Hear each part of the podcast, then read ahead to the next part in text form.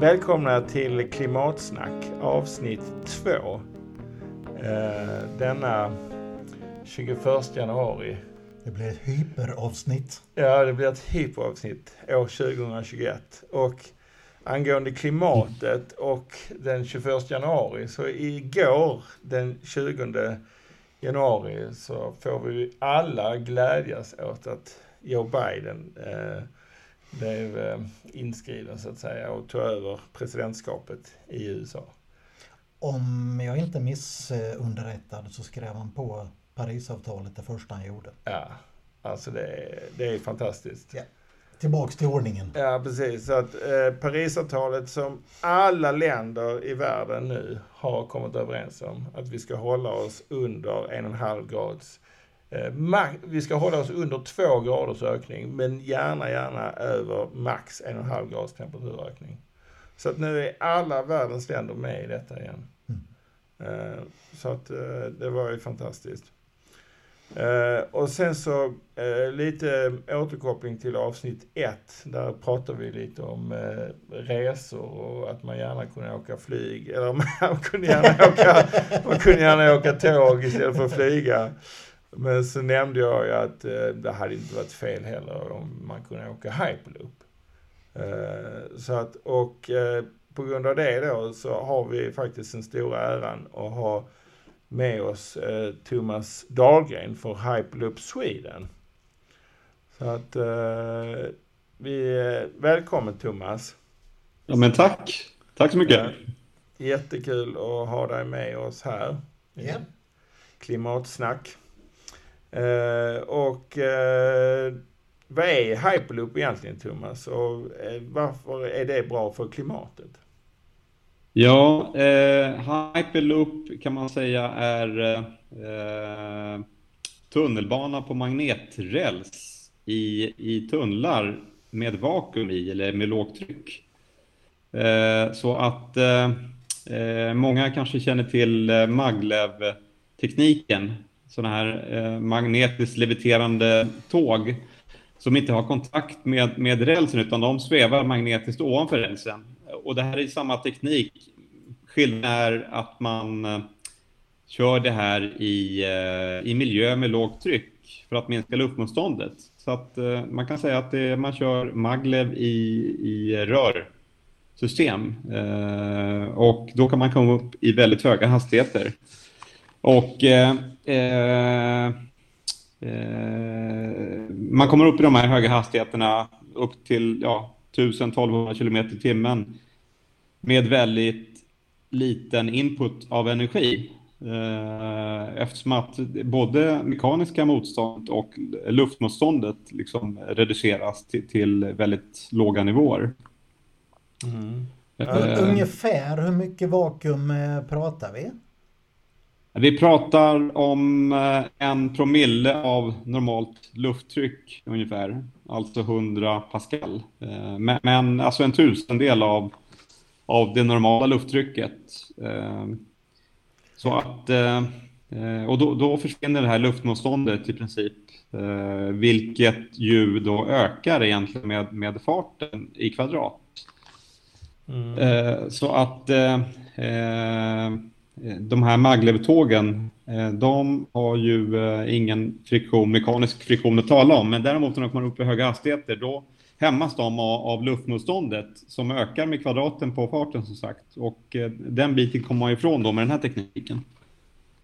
Mm. Eh, så att det blir väldigt energisnålt.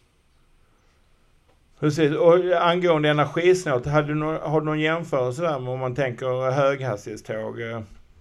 Ja, eh, eh, man brukar säga att eh, att eh, det är en tiondel av, av eh, flygets energiförbrukning per passagerarkilometer räknar och, eh, räknat och per, per, om man jämför med höghastighetståg så är det ungefär hälften, eh, säger man, per passagerarkilometer räknat.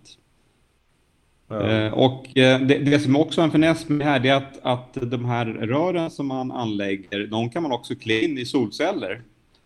Eh, för man har ju den här ytan redan. Då kan man klä in det med solceller och då genererar man en stor del av den energi man behöver eh, själv så att säga.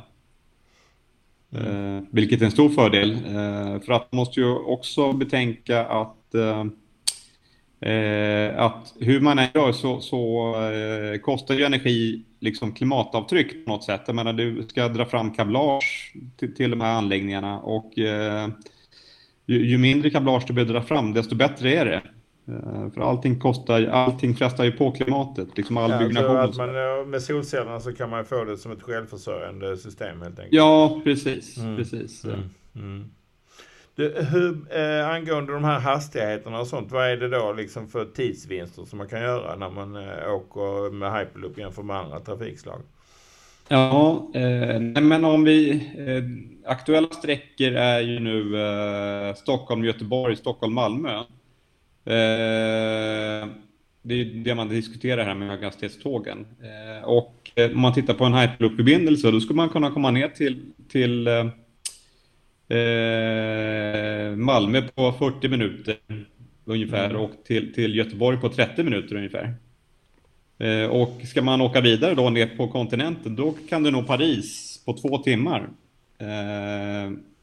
Och då är ju visionen att du kan kliva ner liksom i, eh, vid centralstationen eh, och sätta den här podden och sen åka ner till, till Paris då och sen komma direkt till liksom stadskärnan istället för eh, när du flyger. Då måste du liksom, först måste du åka från stadskärnan till flygplatsen, sen flyger du eh, och sen när du landar så ska du ta dig från flygplatsen eh, mm. in till, till, den destinationsort som du ska besöka. Så att eh, här kan du integrera det här systemet i, i stadsmiljö.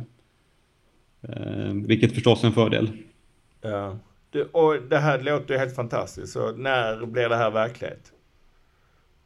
Eh, ja, nej, det är... Eh, eh den första bemannade Hyperloop-turen har redan ägt rum faktiskt. Eh, på, på, en testbana förvisso. Men, men det här skedde i november förra året eh, i, eh, i USA, i Nevadaöknen.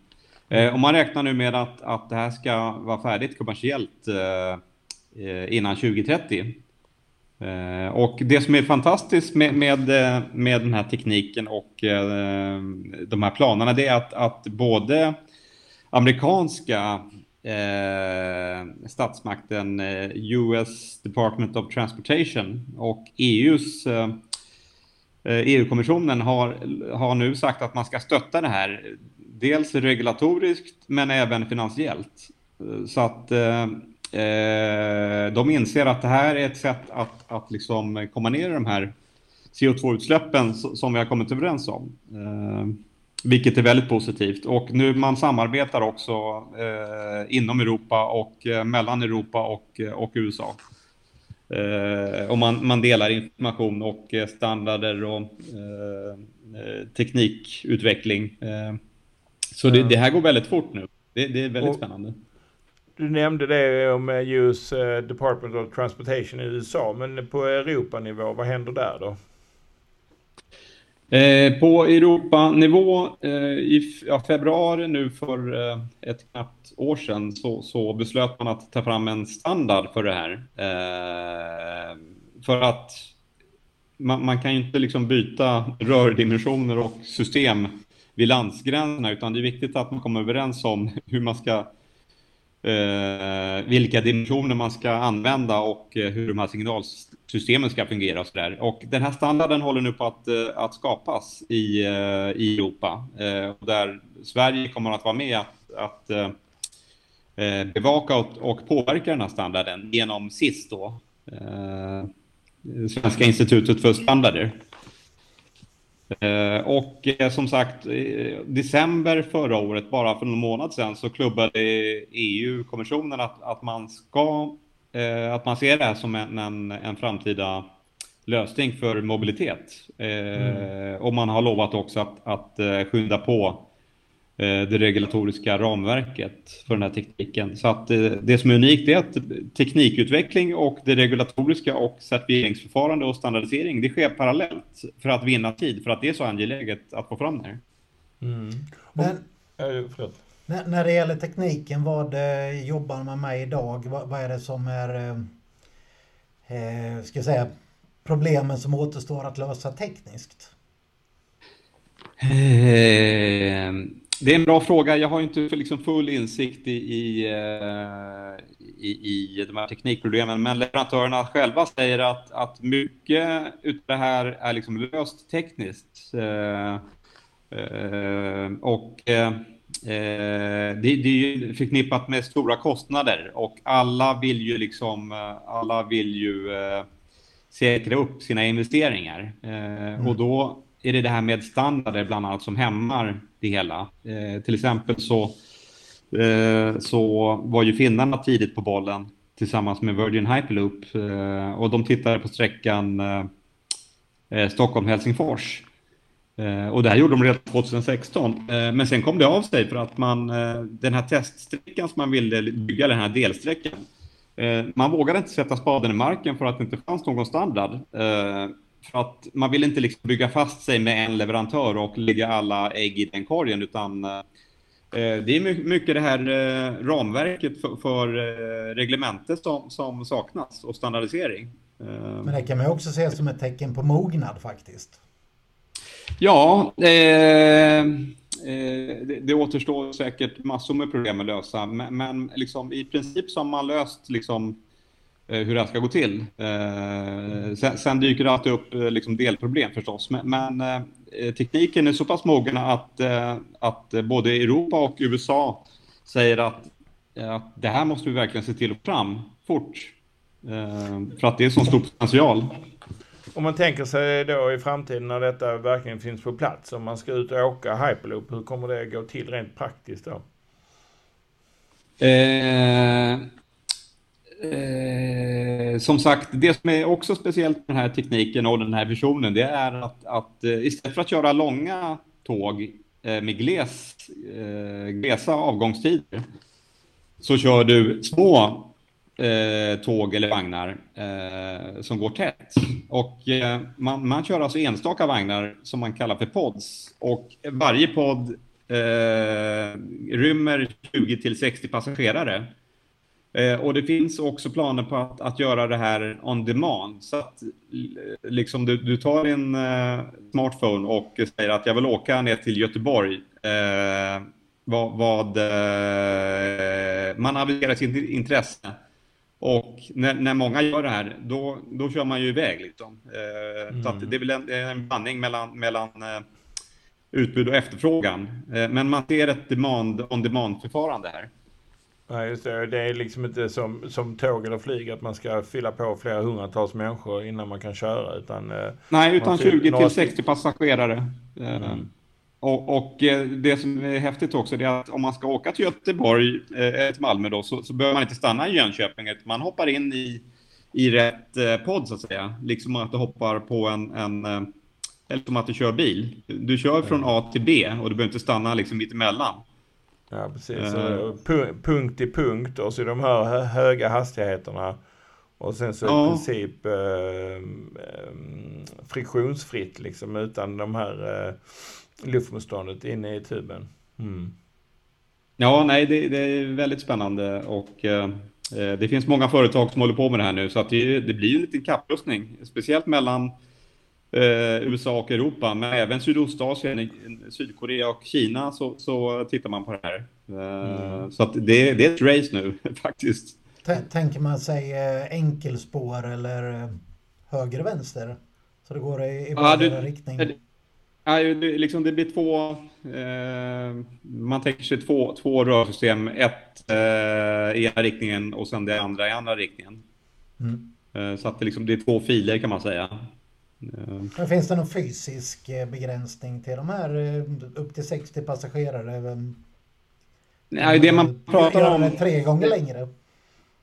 Ja, det man pratar om det är att, att koppla ihop då, eh, vagnar, pods. Eh, så att om man, om man har ett stort tryck på efterfrågan, att man kopplar ihop eh, i serie då, flera, flera vagnar. Mm. Eh, så att, och då blir det ju som tåg, men att man, man ska kunna välja där. Mm. Ja, precis. Man vill inte heller komma ifrån den här flexibiliteten och snabbt kunna fylla en podd och åka iväg. Nej, nej, nej precis. Utan, men sen eh, samtidigt har man någon kapacitetsbehov eller kapacitet att ta hänsyn till också. Ja. eh, angående, för det är många fördelar det här med att eh, minskade miljöpåverkan. För det är något slutet system och man kör på el som man nästan genererar själv.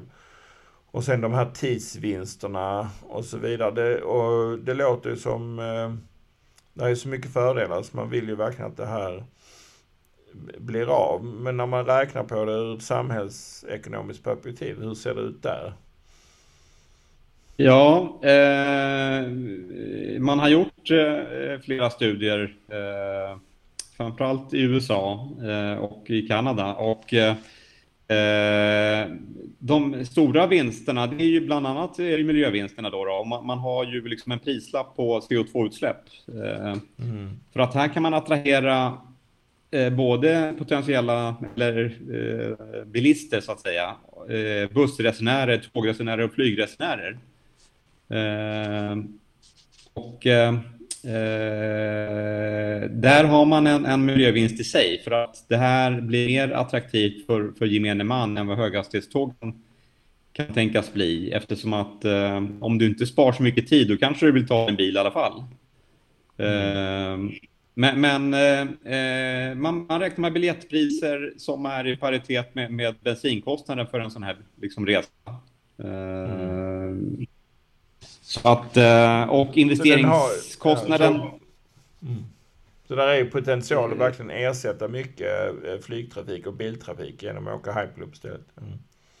Ja, nej, precis. Och eh, investeringskostnaden för en sån här anläggning, det finns lite olika nyckeltal, men, men eh, de mest op optimistiska säger att det här blir mycket billigare och de som är pessimistiska, de säger att det här blir dyrare än höghastighetståg. Men man, man kan säga att det är samma härad i alla fall. I och med att den kanske ofta går på pelare i upphöjd så är det inte lika mycket markanspråk som eh, höghastighetståg eller, eller Nej, det blir lite, mm. lite mindre markanspråk och eh, sen kan ju, eh, i och med att det går på pelare som du säger, så kan ju liksom eh, bönder fortfarande bruka sin jord i närheten av det här och eh, boskap kan liksom vandra fritt fram och tillbaks. Trots att det går Eh, liksom en, en, eh, en förbindelse rakt genom ett fält eller så. Mm. Och likaså bil, bilvägar. Så att här är man ju liksom mer flexibel på så sätt. Samtidigt så måste ja. man ju göra man kan inte svänga lika skarpt, eller kurvorna måste bli liksom med större radier. Ja, precis. Mm. Hur känner du Niklas? Är du sugen? Jag hoppar på första podden ikväll om möjligheten ges. ja, jag ska, kolla tidtabellen. ja, men kan du göra det Thomas? Kan du fixa så vi får åka med i första podden i Sverige i alla fall, eller hur det nu blir. Mm. Så angående det, liksom, vad, eh, Hyperloop Sweden, kan du berätta lite om er roll eh, eh, inom Hyperloop? Just det. Eh, nej, men föreningen är, eh, är grundad då 2017 eh, och eh, det är en ideell förening som, som eh, lobbar för den här frågan. Eh, och vi, det som driver oss mycket är att vi är oroliga eh, för att höghastighetståg i Sverige skulle vara omoderna vid, vid invigningen då. För man räknar med att höghastighetstågen ska kunna liksom tas i bruk 2040 ungefär. Det är det Trafikverket räknar med när de gör sina kalkyler. Eh, och eh, det finns stor risk för att, att de är omoderna när de liksom sätts, sätts i trafik. Mm. Eh, och då menar vi på att herregud, det här ligger och lurar runt hörnet kanske inte runt hörnet riktigt, men, men som sagt, eh, det här går väldigt fort och låt oss räkna på det här noggrannare innan vi förkastar eh, den här, vad många kallar futurism. Eh, och det blir mer och mer realism och mindre och mindre futurism faktiskt. Mm. Mm. så det vi förespråkar också för i föreningen, det är att man ska när man gör de här Eh, Eh, det är att man, man beaktar också eh, tekniker som Maglev och Hyperloop när, när man planerar eh, kurvradier och så vidare. Eh, för att när man ska handla upp mark och, och driva den här processen med överklagande och så vidare. Eh, den processen mellan Stockholm, Göteborg Malmö, den förväntas ta upp till tio år. Eh, och då menar vi på att genom att göra Eh, planera en, en bansträckning som, som skulle kunna användas för Maglev eller Hyperloop. eh, gör att man kan komma vidare med den här processen eh, men förhala beslutet om, om teknikval och därmed minska risken för en felinvestering. Mm, mm. Men var, var befinner sig eh, Trafikverket idag i diskussionen? I, i debatten? Man har ju, man har ju eh, börjat liksom planera för det här, eh, men däremot har inte riksdagen fattat beslut om att få det här på banan så att säga. Det, det finns, det råder ju stor en, oenighet eh, i, i riksdagen. Så att det, det, det, är, man vill ju ha en bred uppgörelse och det har man inte idag. Eh, men samtidigt så vill man försöka trycka igenom det här i, i liksom eh, parlamentet eller riksdagen. Mm. Men som sagt, många är tveksamma därför att en sån här eh, satsning, du får inte tillbaks ens driftskostnaden eh, enligt många eh, kännare och bedömare. Medans, och ännu mindre till själva kapitalkostnaden. Men här, här räknar man med att, att få tillbaka både kapitalbindningen, kapitalkostnaden och, och eh, driftskostnaden på liksom ett mm. lönsamt sätt. Men är det något land i mm. Europa som går lite i bräschen och, och drar lite hårdare i, i frågan från eh, parlamentnivå och EU-nivå? Ja, alltså de stora...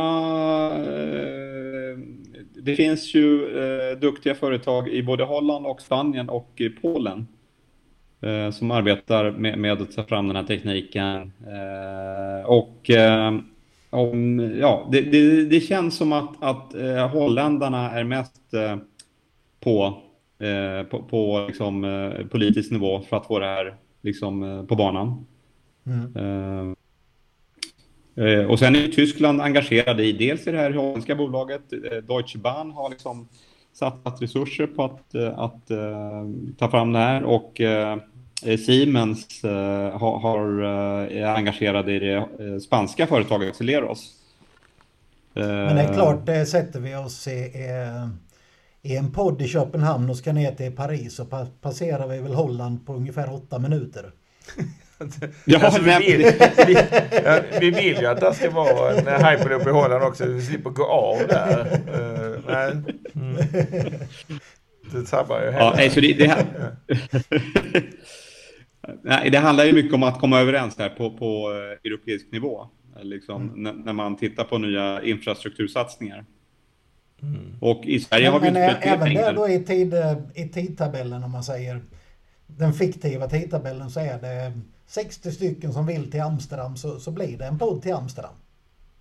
Mm. Eh, ja, man kan ju köra en halvfull podd också förstås. Eh, mm. Och då, då borde det bli dyrare. Eh, som sagt. Ja, men jag tänker jag en, bra, blir... en bra match i, i fotboll och, och, ett gäng vill åka dit så då sticker vi dit på en ja. halvtimme.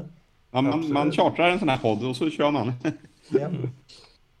ja, det blir så fräckt. Det blir grymt. Det blir riktigt Ja. Ja. Malmö FF borde ju vara med och sponsra från svensk sida ju.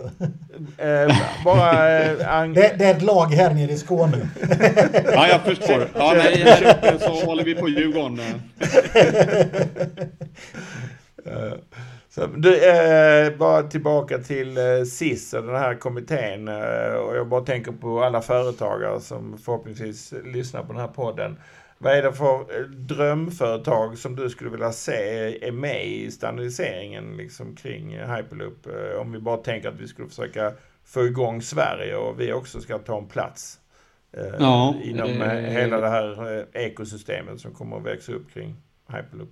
Ja, nej, det, det, finns ju, vi har ju mycket kompetens i Sverige och eh, NCC, Skanska, som är bra på, på eh, infrastrukturbyggnation Eh, till exempel, eh, vi har eh, SSAB som, som nu kör igång med sitt hybridstål, CO2-fritt stål. Det går ju åt mycket stål i, i sådana här anläggningar. Mm, vi har Vattenfall som, som, är väldigt på vad det gäller liksom, teknikutveckling och, och grön, grön energi.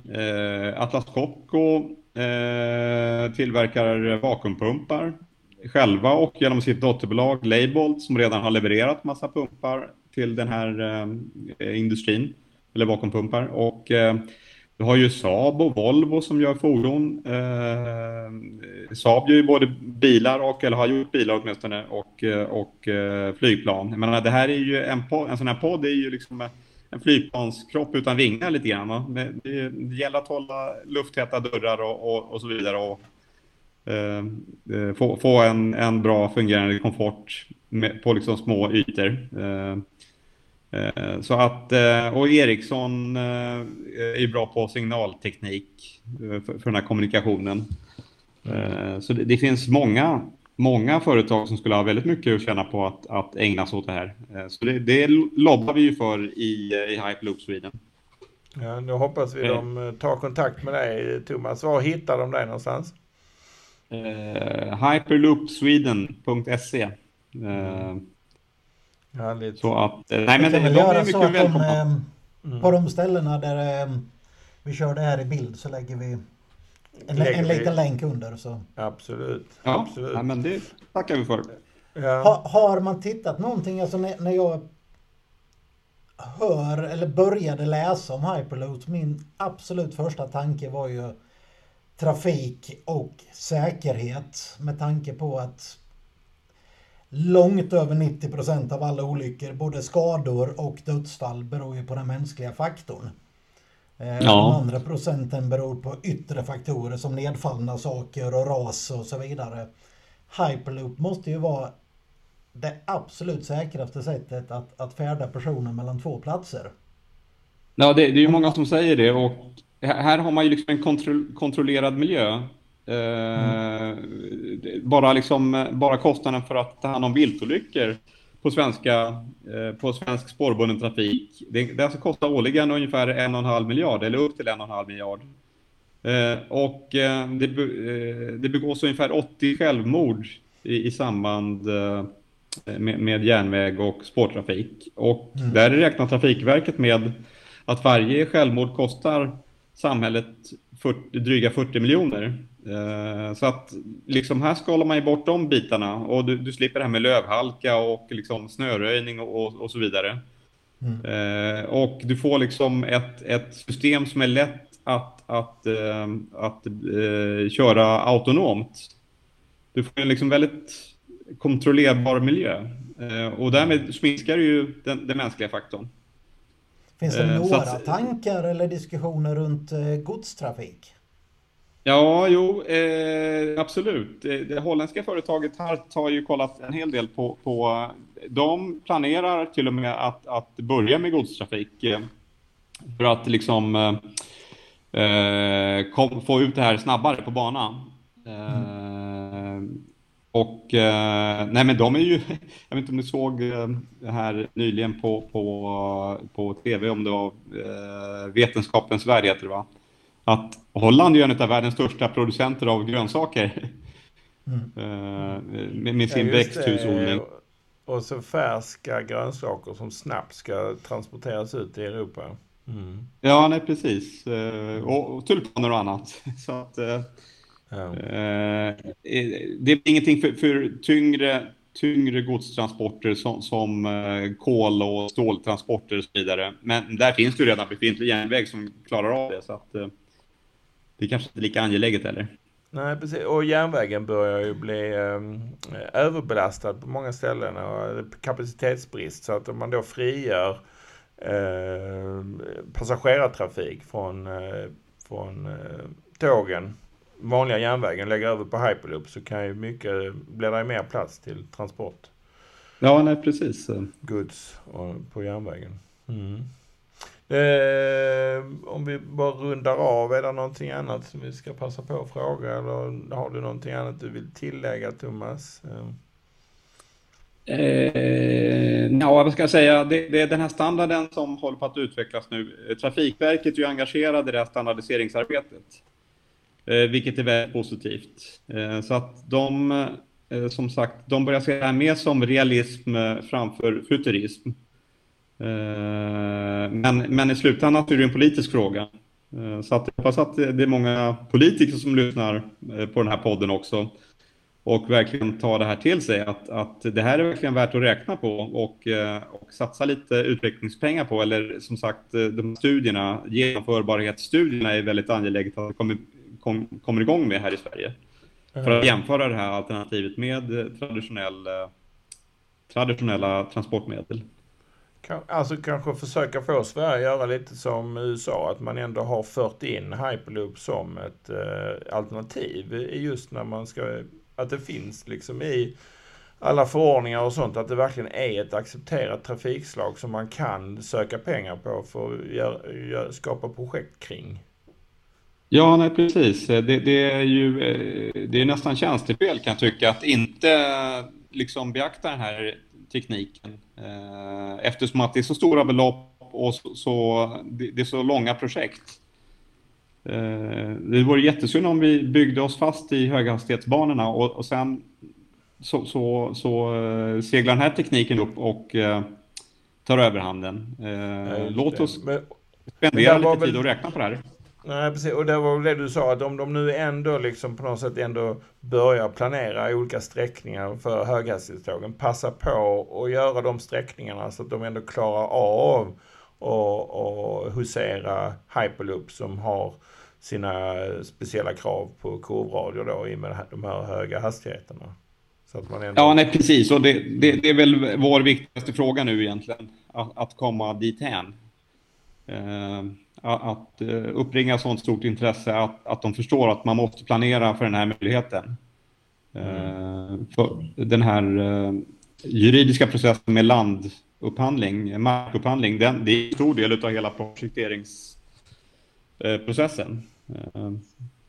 Så att, Men kanske att vi är på Klimatsnack kan göra en liten insats och försöka få hit politiker och, och känna lite Absolut. Känna dem lite på pulsen ja, och att låta dem förstå att det finns en, ett, eh, en debatt som vi behöver ta. Mm. Mm. Ja, det vore ju super. Mm. Ja, men bra idé. Jättebra. Eh, men då kanske vi håller här för idag då. Och så får vi eh, följa utvecklingen och vi försöker dra vårt strå till stacken. Och kanske vi får återkomma. Ja, det gärna det. Jag är med. Ja, härligt, härligt Thomas. Eh, tusen tack. Eh, kul att ha med dig. Ja, tack själva. Ja, tack och hej. Ha det bra. Hej. Ha det bra. Hej. Eh, ja, stort tack till Thomas. Absolut. Eh, Otroligt spännande. Ja. Tänk när vi sitter där i podden. Var skulle vi åka först? Var det ner till Paris vi pratade om eller? Mm. Jag vill ju helst åka till Florens, men jag tror inte de får hyperloop först av alla. Så eh, Amsterdam, Paris, Berlin. Ja, ja, ja, vi kör på det.